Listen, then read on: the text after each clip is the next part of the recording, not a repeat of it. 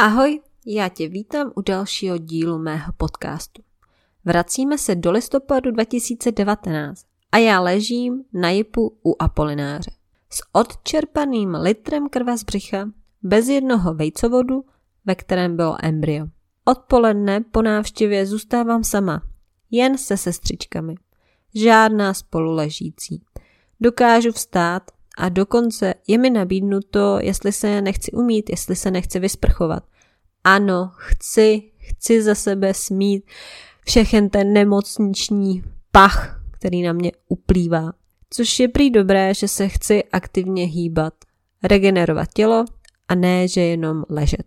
Celý život se potýkám s nízkým tlakem a i tady mi ho měří kolem 125 na 55. Je to hodně nízký tlak. Je mi nabídnuto, jestli nechci na noc léky na bolest. Což odmítám.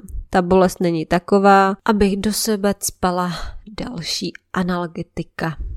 Dostávám zprávu i od lékařky z Prokra s dotazem, jak se cítím, jestli se dokážu hýbat a jak něco bolí. Překvapuje mě to.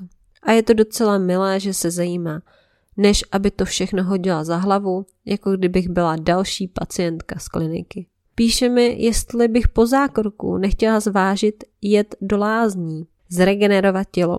Možná by to nebyl špatný nápad, ale je konec roku a já bych tam nechtěla být přes Vánoce, teda pokud tam fungujou. A pak je leden, což práce je roční závěrka, audit a v únoru chceme jet na hory. No, znáte to. Kdo nechce, hledá důvody, kdo chce, hledá způsoby. A u mě převažují důvody. Nesnáším, pokud moje práce by měla být hozena na kolegy. Ale stejně nad tím chvilkama přemýšlím, jestli, jestli třeba náhodou nepojedu. Druhý den ráno, hned odběr krve, snídaně, bílé pečivo, kostička másla, džem a k tomu jabko. Doma bych si to asi nedala, ale tady mi to strašně chutná. Přichází lékař a sděluje, že stále mám špatný krevní obraz a že by nebyl od věci zavést mi transfúzi. Nevím proč, ale nemám z toho dobrý pocit. Je to můj osobní postoj a nechci, abych v sobě měla něčí jinou krev. Ptám se, co se stane, když to odmítnu. On, že nejspíš nic, akorát bude těl trvat o hodně díl, než se z toho zákroku zpamatuje.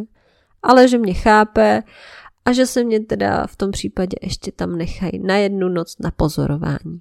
Tak rozhodně tam přežiju být o jednu noc déle, než si nechat zavést transfúzi a obávat se z toho, co by mohlo nastat. S tím, že mě z JIPu převezou na lůžkové oddělení. Přesun probíhá chvíli potom.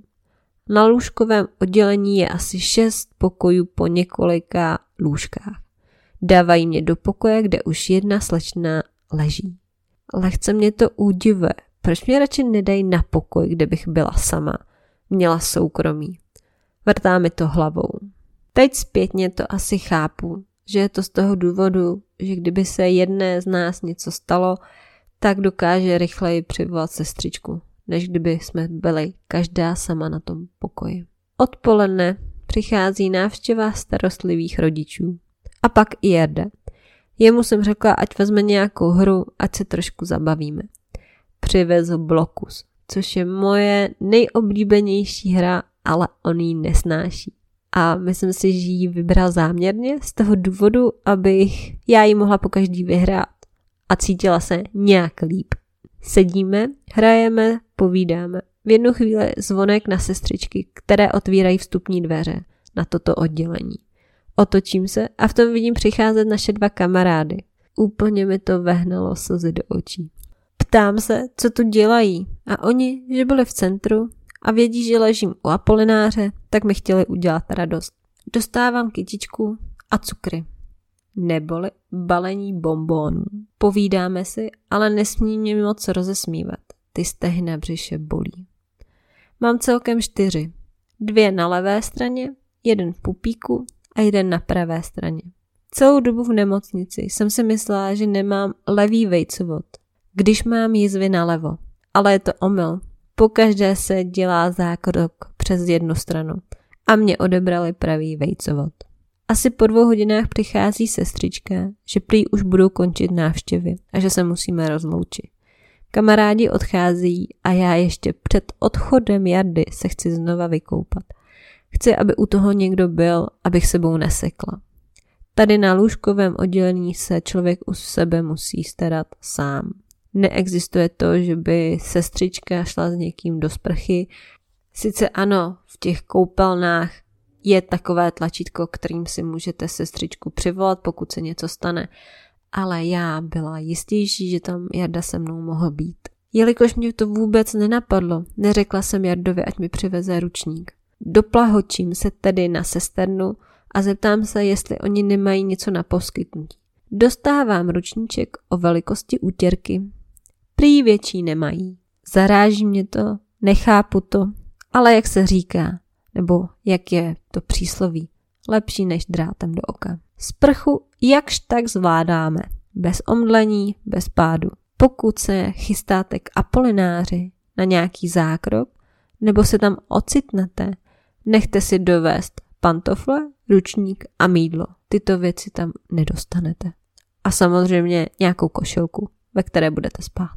Jarda odchází s tím, že se uvidíme zítra, až mě pustí a že doufá, že bude moc odjet z práce a odvést mě domů. Kolem šesté jsem na pokoji. Zkouším se svojí spoluležící navázat konverzaci. A zjišťuji, že slečna je v jedenáctém týdnu, ale od šestého týdne neustále krvácí. Ale s tím, že se embryo stále drží, tak ji chtějí mít na lůžku a lékaři pod kontrolou. Kolem půl osmé usínáme.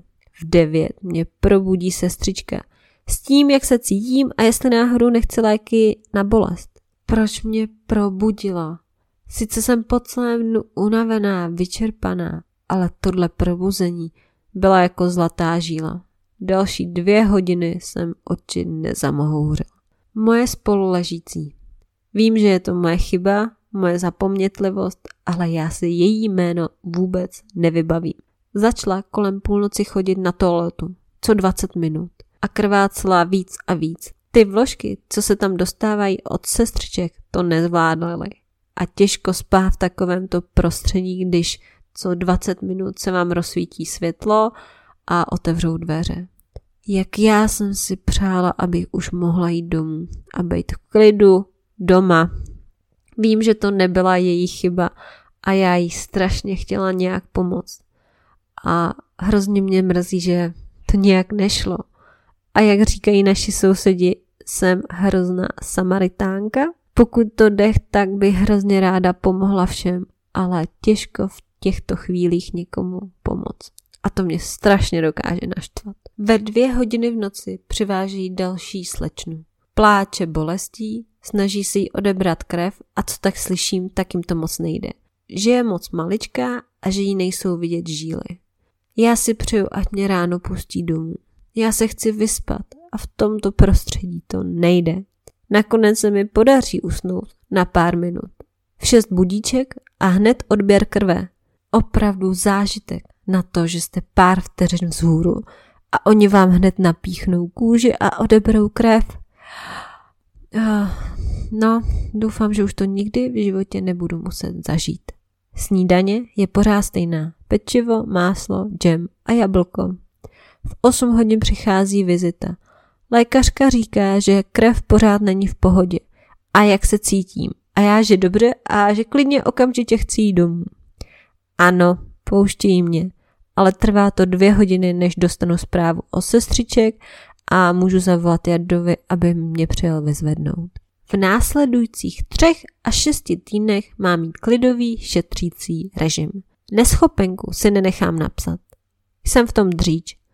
Rozhodně lepší pracovat, než nemít co na práci a přemýšlet nad tím, co se vlastně stalo. Výhoda toho, že nepracuji v provozu a můžu pracovat z domu. Dostávám recept tabletky Maltefor, aby se mi zvýšil příjem železa a obnovila krev.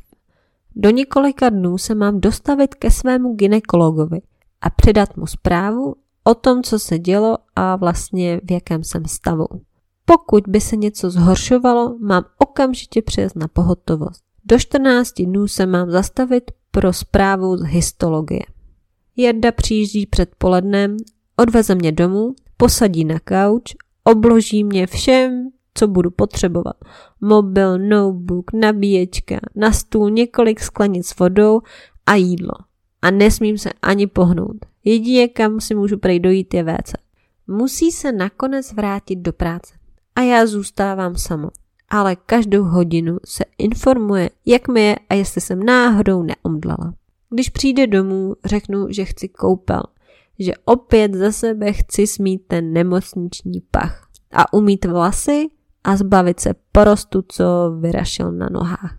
Ještě, že máme velkou vanu a vejdeme se do ní oba. Stará se o mě, dokázal umít vlasy a oholit nohy.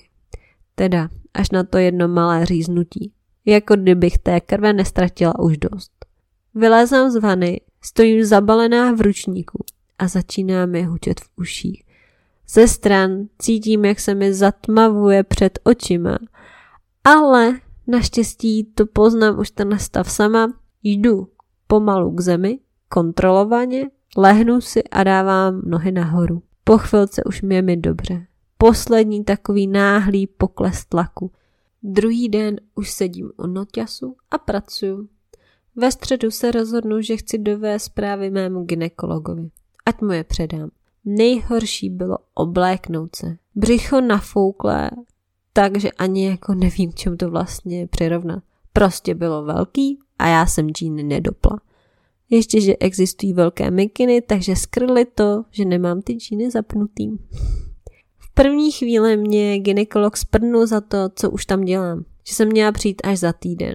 Oponovala jsem s tím, že já se cítím relativně dobře a stejně mám jenom předat dokumenty. Začetl se do nich a další, co mě šokovalo, bylo to, že prohlásil, jestli doktorka Sprka není náhodou slepá. Jak prý nemohla vidět mimo děložní těhotenství. Co na to v tu chvíli říct? On u toho ultrazvuku nebyl, nemám z něho žádnou fotku, tak tam nejspíš asi nebylo to vidět.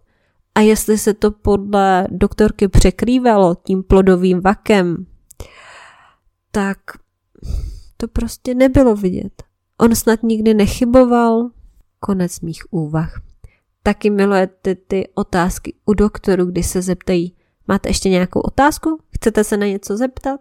A já vždycky po této otázce mám temno v hlavě. Odcházím z ordinace, nasedám do auta a myšlenka v hlavě najednou se objeví. Proč jsem se neskusila zeptat na ty lázně?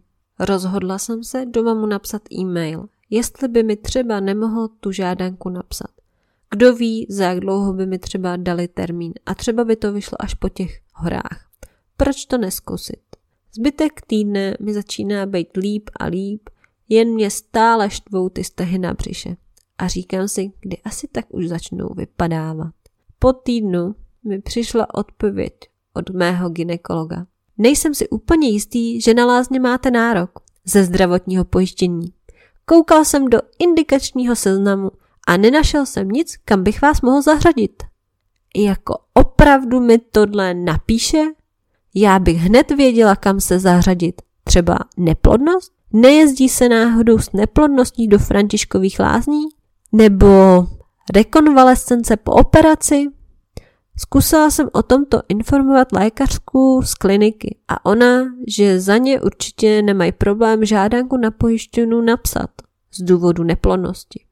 Ale ať si to ještě promyslím, je tam několik rizik, které můžou nastanout. Pokud budete mít schválenou komplexní lázeňskou péči, musíte nastoupit do tří měsíců od schválení, což u mě docela komplikují. Vánoce, audit, hory, Další, co se může stát, je to, že když budete mít schválené lázně a nenastoupíte, tak při další žádosti vám to pojišťovna nemusí schválit. Nakonec jsme se rozhodli, že uvidíme podle situace v dalším roce. Takže lázně se nakonec nekonají.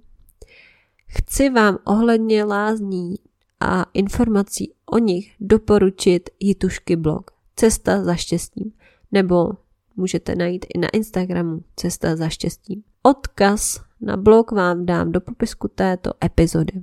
Pokud budete mít nějaké otázky, určitě ji napište. Ona tam byla v rámci neplodnosti a sama o tom, jak už minuju, na blogu napsala opravdu hezký článek. Po 14 dnech mám stále stehy. A nevypadalo to, že by se chtěli samovstřebat. Od lékaře doporučeno vzít si jídlo a začít lehce přijíždět po jizvách a začít to vydrbávat, což pro mě byla výzva. Sice jsem jizvy omývala, ale vysloveně přijíždět po nich víckrát, oh, to byl hrozně divný pocit. Zvládla jsem to a po pěti dnech jsem byla bez stehu. Kůže byla červená a pod jizvami jsem cítila bouličky. Dostala jsem i další dávku maltoferu od své praktické lékařky.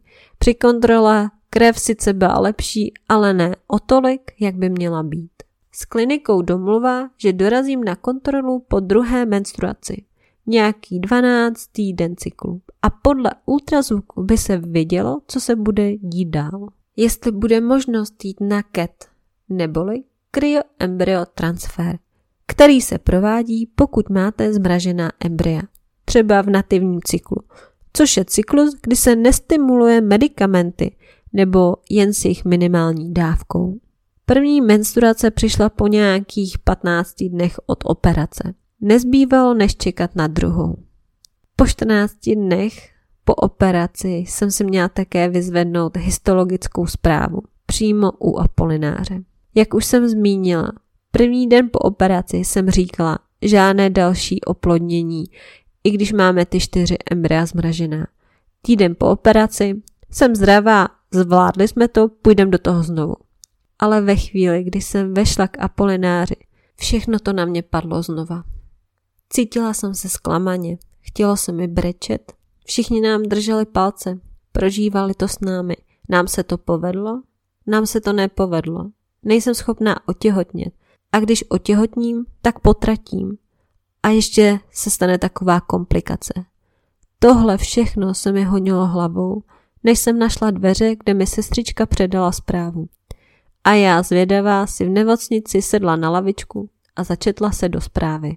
Jelikož k vám chci být upřímná a neskrývat nic z naší cesty, přečtu kus zprávy. Prosím vás, kteří máte slabší povahu, přeskočte si o pár vteřin. A vy, kteří si myslíte, že to zvládnete a nevadí vám takové detailnější informace, tak tady to je. Odebrána pravá děložní tuba s roztrouštěnou stěnou. V tubě se nachází necelistvý plot. Délka 25 mm. Zastiženo tělo, včetně dolních končetin. Bez hlavy, horních končetin. S potrhanou hrudní a břišní stěnou. Někdo řekne, vždy to ani nebylo miminko, ale pro mě bylo. Mělo srdíčko a plot pár týdnů existoval. Jen to nedopadlo dobře. Sedím na lavičce, čtu tu zprávu a tečou mi slzy. A nejde to zastavit. Tohle si přečíst mě rozsekalo na celý den. Bylo to černé na bílém. Nebylo to embryo, byl to plot. Jedu metrem domů a brečím. Vidím pohledy lidí, ale je mi to fuk. Přeju si být co nejdřív doma a aby byl doma i Jarda, abych se u něj mohla schoulit v náručí. Přeju si zapomenout, co je tam napsané, ale vím, že už to navždy budu mít vryté v hlavě a nezapomenu. Po této zkušenosti jsem navštívila i naší psycholožku a pomohla mi.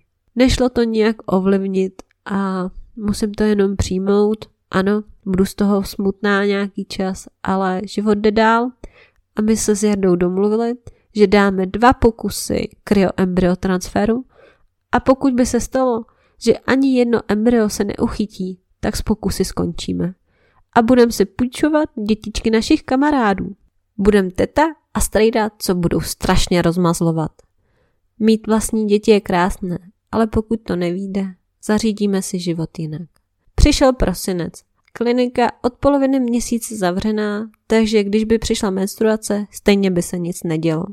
V práci vánoční večírek, konec roku s kamarády na Silvestra na horách. Jak říkám, ohledně cesty za miminkem se nic nedělo. A tímto já ukončím dnešní podcast. Nebuďte smutní, musím ty díly rozdělovat, trošku vás napínat, ale nebojte, za týden budeme pokračovat. Děkuji, že jste to doposlouchali až sem. Mějte krásný den, krásné odpoledne, krásný večer, krásnou noc. Záleží na vás, v jakou denní dobu jste se rozhodli tento podcast poslouchat.